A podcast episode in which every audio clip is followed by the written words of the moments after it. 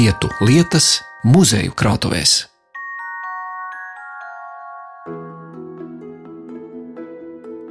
Cernikava ir seno līvu zeme, taču iedzīvotāju pārtautošanās ir notikusi ļoti ātri. Jau 16. gadsimtā no līvu valodas ir palikuši tikai atsevišķi vārdi un vietu nosaukumi, piemēram, vāba, selga. Arī Kadagas, Ummas un Sērģu ezeru vārdi ir mantoti no līviem. Cernikava ar savu lašu un nēģu zveju bija ievērojams zvejas centrs un ieņēma desmito vietu Latvijā. Līdz 1917. gadam Cernikava varēja lepoties ar greznāko pili vidzemē. Arī pirmo tautas dziesmu latviešu valodā ir publicējis Cernikavas mācītājs Friedrichs Meins. Cernikavieši nodibina savu labdarības biedrību jau 1876. gadā un ar kori piedalās otros vispārējos dziesmu svētkos. Šos pieturpunktus par Cernikavas vēsturi es aizņēmos no tur dzimušā dramaturga, rakstnieka un publicista Ulda Siliņa rakstītā. 2017. gada Austrālijas laikrakstā Latvietis, jo šajā raidījumā būs runa gan par Ulda Siliņa māmu, gan Graznās pils pēdējiem īpašniekiem. Cernikavas novatpētniecības centrā uzklausīsim stāstu par tautas tērpu, ko pagājušā gadsimta 30. gados uzšuva pieminētā Ulda Siliņa mamma Elza Vilhelmīne, un atceroties laikus, kad Cernikavā slēdzās lepnā pils, uzzināsim, kā šajā namā uzņēmēja Gēgingera ģimene svinēja Ziemassvētkus. Viesojos Gaujas krastā cēlāju mājās, kur atrodas Cernikavas novatpētniecības centrs. Te vēl līdz šī gada beigām apmeklētāji varēs aplūkot tērpu, kas ir deponēts no netālu esošā kultūras centra Ozolaine. Koši zili svārki un veste krustūrienā izšūtiem baltiem rakstiem un vienkārši balta blūze kā jūra ar viļņu putu cepurēm. Tāds epitets piedienētu šīm drānām, ko nosacīti var dēvēt par Cernikavas sieviešu jauno laiku tautas tērpu. Par tā izcelsmi stāsta Cernikavas novatpētniecības centra vadītāja Olga Rīnkus. Šis ir deponējums. Šis, šis nāk no, no Ozolēnas, mūsu kultūras. Aha. Viņš nav tas priekšmets, ko mēs eh, ikdienā Jūs man minējat, ka būs stāsts par tautas tērpu, un paskatoties tas, kas ir rodams interneta informācijā. Atradu nu, tur par Cernikavas tautas tērpu, tad bija minēta rietumu vidzeme, atsaucis uz eh, Limbažu novadu, baltiem izšūtiem tunika veida krēkliem, svītrotiem bruņķiem, jakām, ņieburiem, bet tas, ko es redzu tagad, Tas ir stilizēts tautas tērps. Tas ir stāsts par cilvēkiem. Un, kā jau arī teicu, tas nebūs ne 19. ne 18. gadsimta, tas ir 20. un 30. gadu stilizācija. Un kā tad eh, tas tērps ir tapis? Un tas būs par to, ka Ulda Siliņa, trimdas aktiera un, un, un teātris kritiķa un, un vairāku darbu autora mammas tērps ir šeit, cēlājos, un saistīts arī ar vairākām atmiņām, jo eh, Ulris Silīņš raksta par savu bērnību, atceroties, pasmaidot grāmatu, gan arī eh, mēs esam cernikavieši jau kur nu trešais izdevums, un mēs varam īstenoties to cilvēku stāstu. Un tā Elza Siliņa parādās gan kā skolotāja no Limbaža puses ar, ar savu viedokli, vai no Mārtiņa kultūras darbinieka Siliņa sieva, jā, kur viņa darbojās kultūras jomā, un patiesībā viņa tajā laikā bija ļoti, ļoti radoša radoši. Un tieši tas radošums arī rezultējās ar to, ka neskatoties, ka ādažu pusē bieži ciemiņi ir bijuši un zinājuši jā, par, par ādažu puses tērpu, bet uzskatīja Elza Siliņa to par visai drūmu. Ja. Kāds tad bija tas ādažu puses eh, tautas tērps? Tas ir etnogrāfiskais. Tas ir 19. gadsimta tērps. Bruņķi tumšāki. Jā, vai no tādi rūt, rūtoti bruņķi, nu, bet ir arī svītroti. Jā, un, un vai nu bija gaiša brūne, vai nu tumša brūne. Un jaka ar dziļu izgriezumu, jā. tumša, vienkrāsaina. Neredzēt. Un jau... balta villaine vienkrāsaina, nu, bet tas tad ir etnogrāfiskais ādažu. Ādažu, novada, tajā laikā ādažu pagasta tērps, ja, un par siliņu ir tā, ka 30. gados varētu būt pat 30. gadu sākums, kad Elza Siliņa saprata, ka viņai vajag tieši zilu, skaistu tērpu, jo jūra un gauja cilvēkiem arī tajā laikā asociējās ar Cernikavu. Un stāsts mums nāk no vienas ļoti, ļoti jaukas kundzes, Astras Zones, kura stāsta par savu mammu, par mammu Amāliju un viņas dzīvi gan ādažos, jo viņa piedzima ādažos un pēc tam dzīvojas vairākās gan Cernikavas, gan ādažu mājās, līdz viņa 30. gados nonāca pie siliņiem, kur viņai bija vislabākā dzīvošana. Jo citās mājās kopš uh, sešu gadu vecuma, kad viņa pazaudēja vecākus, nu, viņai nācies dzīvot gan trūkumā, gan varbūt ne tā, tik optimistiski, tad tieši par siliņiem bija stāsts, ka viņi bija ar humoru, ka viņi bija radoši ikdienā, ka viņi arī gaidīja ciemos vairākus aktierus un kultūras darbiniekus arī no Rīgas. Un tas tērs bija ļoti loģisks secinājums un iznākums tam radošumam. Tad viņa šuva to tērpu. Uh, viņa sadarbībā ar, ar Uldas Siliņa mammu. Nē, Uldas Siliņa mamma uzšuva to tērpu, bet pati Astras kundze, atmiņa autors, mamma Amālija varēja par viņu pastāstīt, bet nevarēja pastāstīt visu, jo mēs skatāmies tā blūza tomēr ir mūsdiena. Ja? Te vienkārši kokvilnas vai līna, līna blūzīte, bet tad tas koši jūras zilā veste un Jā. bruņķi, kur ar baltiem vilnas diegiem krustūrienā ir izšūti tautiski kā krustiņi, kā zelkša zīmes. Tad to Ulda Siliņa mamma vienkārši tas ir viņas radošā izpausme. Radošā izpausme, un nav ziņa, vai viņai bija ideja, nu, teiksim, kādu kolektīvu arī ieterpt uh, visas dāmas tajā tērpā un jau izveidot tiešām Cernikovas puses uh, tērpu. Varbūt jā, varbūt nē, bet visus plānus pārsvītroja Otrais pasaules karš un trimda. Palika tikai Ulda Siliņa tēva māte kur arī tas bija 1953. gads, kad viņa iznesa no savas dziļākās istabas un parādīja Amālijai, Zonnerei, Astras mammai tērpu pastāstot. Neredzēju šo tērpu un, un nezināju varbūt tik detalizēt to stāstu, bet kādā sakarā, jo 50. gados jau sāk veidoties kolektīvi un arī kori, Un e, pacēlās jautājums, vai nu būs ādažnieku tērpi, vai nu mēs veidosim kaut ko jaunu, vai nu varbūt kaut kā savādāk, ja tērpsimies un ģērbsimies. Un 1954. E, gadā veidoties korim, ideja parādījās, ka nu, nu, meitenēm jātērpjas zilajā tērpā, bija tas idejas par eh, tautas tērpumu vai, vai par kaut ko zilu. Ja? Un tad, tad noteikti Siliņa mātei, kā viņa sauc, Ulda Siliņa vecajai mammai, radās ideja ja, tomēr atrast savas vedeklas tērpu no 30. gadiem. Interesants vēstures paradoks. Laikā, kad Padomju Savienībā nevar ne iepīkstēties, kur nu vēl slavināt nesenās buržāziskās iekārtas mantojumu, Cernikavas sieviešu koris drosmīgi atjauno un valkā koncertos tautisku tērpu, ko ir darinājusi nu jau trimdā devusies skolotāja Elza Vilhelmīna Siliņa. Kā teica Olga Rinkus, tad pārlūkojot pagājušā gadsimta 50. gados tapušos fotoattēlus, var redzēt, ka Cernikavas koristēm mugurā ir minētais apģērbs, piedaloties zvejnieku svētku svinēšanā. Lai vai kā, bet šis nosacīti jauno laiku tautas darbs ir populārs arī mūsdienās.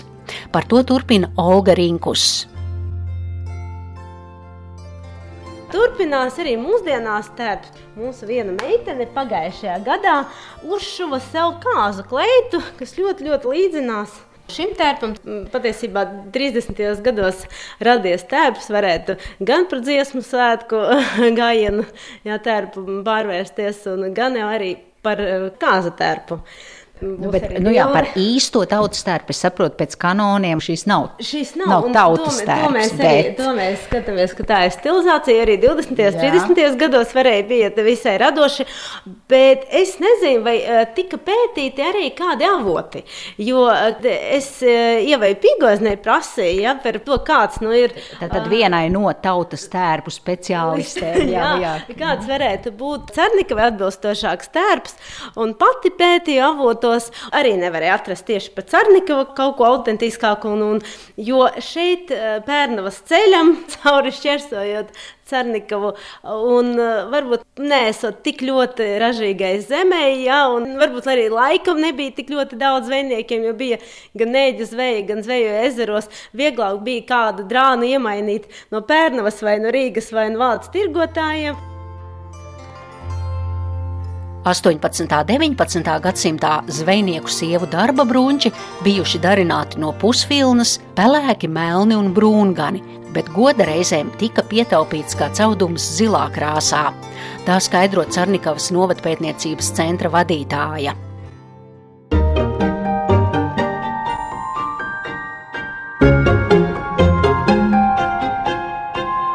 Vietu lietas. Pirms turpinām stāstu par Cernikavas novatpētniecības centra krājumu priekšmetiem, kas būs fotografijas par Geigingeru dzimtu. Neliela atkāpe par tiem laikiem, kad Cernikavas centrā slēdzās lepns kungu nams, klasicisma stilā celta ēka 14 kolonnām. Pili nodedzināja 1917. gadā, un tagad tās vietā tik ir atlicis viens kolonas kapitelis. Lūk, fragments no 2017. gadā ierakstītā raidījuma, kad toreizējā novatpētniecības centra speciāliste Maija Sarkane mani uz turieni aizveda. Tagad iesim tātad mūžas parks jau, un šitajā te kalniņā, kur 60. gados uztaisīja Krievu karavīru pārapedījumu, respektīvi otrā pasaules karā kritušie, kuri bija gauju forsējot gājuši bojā un turpat arī apglabāti Gaujas krastā. 60. gados viņas pārabadīja Cernikavas centrā, lai varētu, nu, kā saka, sakopt, godināt un tā tālāk. Šī ir tā oriģinālā vieta, kur atradās Cernikavas mūžas pils. Parks skaists, bet mēs Jā. aiziesim pie viena artefakta, kas mums no vecās mūžas Cernikavā ir saglabājies. Tas ir pils kolonnas kapitelis. Un mm, jauniešu kapitēlis, jā, tā kā auna ragi tāds ļoti spirāla veida, jā. Tam ir žodziņš un, un šogad tur aug kāposti. Citus gadus tur aug skaistas puķis. Vēl vienu Cernikavas kungu nama kapiteli var apskatīt pie Latvijas Universitātes galvenās ēkas, tajā pusē, kur ved kāpnes uz Merķeļa ielu, un vairāki kapiteļi tika iemūrēti kādreizējās ādažu skolas sienā. Pati ēka ir bijusi ļoti grēzna. Kā redzams senās fotografijās no 19. un 20. gadsimta mijas, tad iekšpusē pilsētas zālēs bija izbūvēti balkoni, un apaļās zāles nišās rotājās četras marmorā darinātas sieviešu skulptūras, kas ir simbolizējušas četrus gada laikus, un šīm skulptūrām kā grezni postamenti kalpoja četras čuguna krāsnis bet Olga Rinkus vēl iepazīstina mūs ar citām pilsētas detaļām, tās sākotnējiem īpašniekiem, mengdeniem un panderiem un graznās ēkas bojāēju. 1917. gads, kad Cernikavas mūža tiek nodedzināta, un Bija informācija par to, ka Cernikovas mūža iespējams nodedzinājas mūža skalps, un tad jau Cernikovieši atcerās par to motivāciju, vai tāpēc, ka, lai neādot ienaidniekam, vai varbūt pa spīti, vai viens vai no arī ar karavīriem, bet eh, informācija kāda viņa sniedza, ka 1917. gadā 31. augustā nodedzinot mūžu, un tad pēc pusgada izmeklējuma apmēram nevarēja saprast, kurš tad bija tas pēdējais, kur tiešām arī to uguni pielaidis mūžai. Ja? Bet stāsts ir interesants interesants par marmora lauvām. Jo par to, ka eh, Cernikavas mūžā ir bijuši marmora lauvas tieši pie mūža stāvējuši vai nu pie vārtiem, vai nu parkā, vai nu pie pašas mūža sēkas.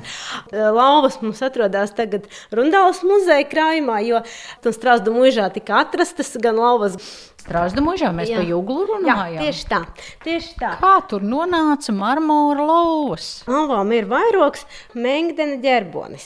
Vidēji... Jūs man tagad rādāt fotografiju, no, es saprotu, tā fotografija ir no 19. gadsimta otrās puses. Nu, tas sanāk, tas varētu būt 20. gadsimts gan, à, jo 20. pēc tā 1906. gada, kad Geginger, vai nu varbūt īsi pirms, kad viņi plānojuši mūžu iegādāties, bet jā, tas ir Geginger arhīvs, nu tad fotografija jānāk no viņa viņiem. Tad kādā tādā 20. Veidā. gadsimta sākuma fotografija. Es saprotu, šīs ir mūžas priekšpuse, un te mēs redzam, jā, majestātisku lauvu, turam vairogu.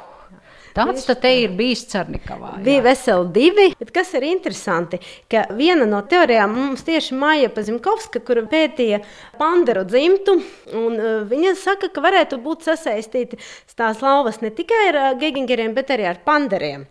Jo gegingeri nebija, bet tas ir tikai pieņēmums teorija, mēs skatāmies, tas tā, tā kā leģenda varētu būt. Jo gegingeri pēdējie īpašnieki, austriešu uzņēmēji, viņi nebija dišciltīgie, viņi nebija aristokrāti, un viņi arī necentās par tādiem kļūt.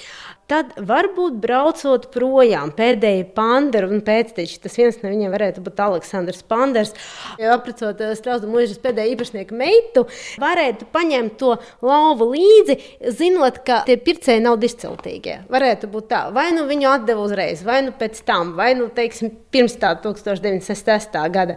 Tas varētu būt diezgan ticami būt. Un kāpēc tieši Strauda mūžā, nevis citā kaut kur mūžā? Cernikovs lauva paviesojās Strauda mūžā, tad aizceļ ceļoju uz Rundālu, bet tagad ir skaidrs, ka zvejnieku ciematiņa, šis dišciltīgais zvērs te ir vairākus gadu desmitus droši vien. Sanā, sanāk, ka ir bijis varbūt no, no, pat, no, no pirmsākumiem, no 18. gadsimta beigām un 19. gadsimta sākuma, jo Mengdini jau mūžu uzbūvēja 18. gadsimta beigās, un, un tajā laikā marmora lauvas bija ļoti, ļoti tomēr rets eksponāts un, un diezgan dārgs, un, ja izveidoja, tad izveidoja tā, lai, lai nu, lava arī sargātu. Un nomainoties arī īpašniekiem 19. gadsimtā, tomēr eh, galva tomēr nostāvēja to viena gadsimta 19. Nu, varētu jau to lauvu pasaukt atpakaļ, ja, jo mums patiesībā tagad ir pierādījums, ka tas ir tiešām Cernikavas lauva, bet nu, kur tam mēs to Cernikavas lauvu liksim? Vai nu blakus kolonas kapitālam vai sargā, vai nu varbūt kapu kalniņu.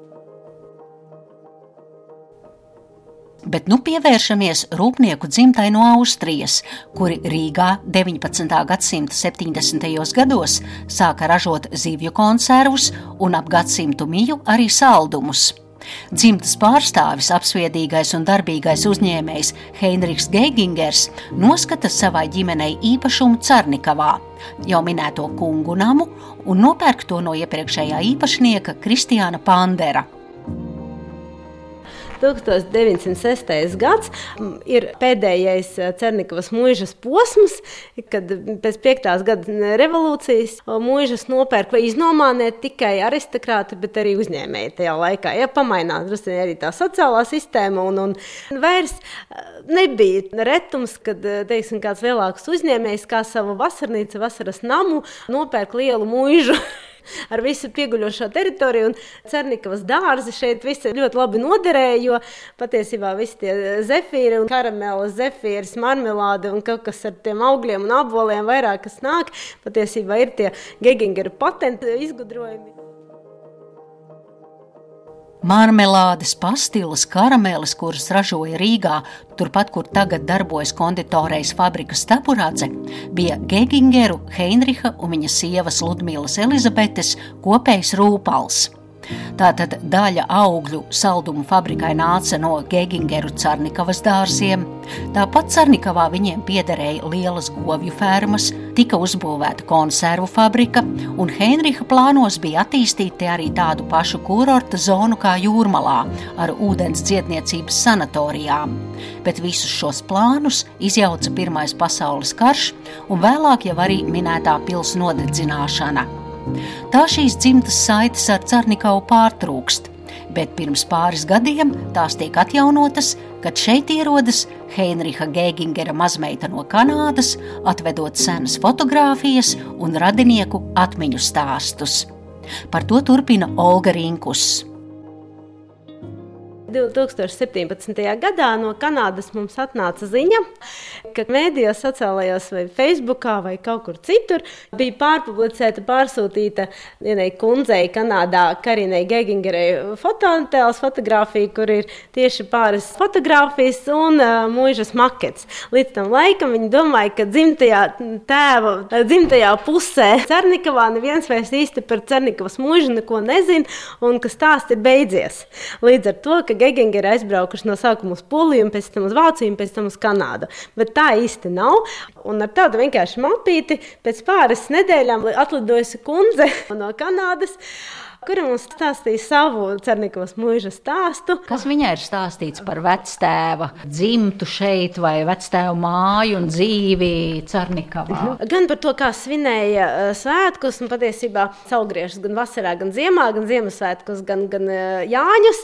Par Jāņiem mazāk, bet par uh, Ziemassvētkiem vesels stāsts, kā tad Gegengeru divām meitām, nu cenāk kurta, jo um, Karīnas Gegengers pēdējā īpašnieka, ja, Gegengera dēlu sauca kurts, brālis, bet viņam bija divas māsas, Helēna un Adele Margarita. Un tā Adele Margarita bija tā kundze, kura rakstīja atmiņas un kura ļoti smuki un varbūt drusku pat sarkastiski aprakstīja uh, Ziemassvētku laiku, jā, ap 1910. gadu, kā viņi sagaidīja Ziemassvētkus, cik uh, skaisti tie Ziemassvētki bija desmitgadīgai meitenei, ja vajadzēja nostāvēt, teiksim, no astoņiem rītā līdz vakaram pašam un katru sveikt.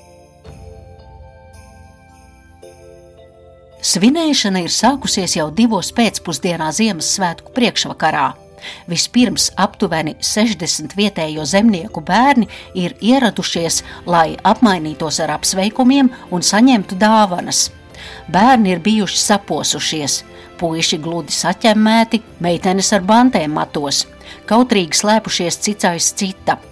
Svētkus bērni ir iesākuši latviešu nodziedot klusa nakts, svēta nakts un tad ir pienācis laiks Ziemassvētku dāvanām. Tās bērniem ir tikušas sagatavotas ļoti rūpīgi. Katrs ir saņēmis našķus, rotaļlietas un kādu apģērba gabalu. Margarētei un viņas jaunākajai māsiņai Elenai Gēgingerei ir bijis jārunā ar bērniem latviešu un jānovēl kaut kas labs. Svētki turpinājušies ar mūžas kalpotāju apdāvināšanu, Viss ēdamistabas galds bijis nokrauts ar dāvanām mūžas strādniekiem, kalpotājiem, šoferiem, zirgu puišiem, dārzniekam, veļas mazgātājām. Arī ar mūžas kalpotājiem saimnieki ir aprunājušies un pateikušies par darbu mūžas labā. Visa šī ceremonija ir ilgusi ap četrām stundām, un Gēgingeru ģimenes meitām, ģērbtām baltās vilnas kleitās, ir bijis jāpiedalās un pacietīgi jāgaida sava kārta dāvanu saņemšanā. Meitenēm vajadzēs būt patiesi ieturētām, pacietīgām un, protams, laipnām pret visiem svinētājiem un ciemiņiem. Šāda pieredze Margarētei iespējams ir noderējusi nākotnē, lai gan Gēkingeri bija rūpnieki nevis aristokrāti, bet Margarēti, kura pilnībā pārvaldīja labas manieres un runāja vairākās valodās, apstiprināja par galma dāmu Krievijas impērijas cara galmā. Turpinot Ziemassvētku stāstu, Ap sešiem vakarā Cārnikavas mūžas graznajās telpās ir sākušās svinības tikai Gegingeru ģimenes lokā. Meitenes ir aizsūtītas uz mazu tumšu halli gaidīt, kamēr eglītē tiek iedegtas svecītes. Lielā Ziemassvētku egle ir bijusi izpušķota zālē, un, kad tās durvis beidzot atvērās, tad meiteņu acīm pavēries pasakains skats, egle laistījusies uguntiņās, sudrabā un zeltā. Vēlākos gados jau dzīvojot Kanādā, Margarita atzinusi, ka visspilgtākās Ziemassvētku atmiņas viņai ir par krāšņo Carnikavas Ziemassvētku egli. Bagātā un ietekmīgā rūpnieka ģimenes atvases Ziemassvētkos saņēma visu, ko sirds kāroja. Tomēr dāvanas ir bijušas saprāta robežās, jo Margarēta ir ļoti vēlējusies dāvanā pērtiķi, bet tā vietā vecāki sarūpēja mazāk eksotisku dāvanu. Meitai tika uzdāvināts kanārija putniņš. Tādas bija Margarētas Adēlas Gēgingeris atmiņas par 1908. gada Ziemassvētkiem Carnikavas mūžā, kad meitenei bija desmit gadi. Un šo materiālu, ko nu pat lasīju, Olga Rinkus publicēja pirms pāris gadiem novada laikrakstā. Ar to arī skan šis raidījums. Es saku paldies Cernikavas novada pētniecības centra vadītājai Olgai Rīnkus un vēlot harmoniskus gan sirdī, gan apkārtnē Ziemassvētkus. Uz sadzirdēšanos saka šī raidījuma veidotāja Zane Lāce Baltalksne. Vietu lietas.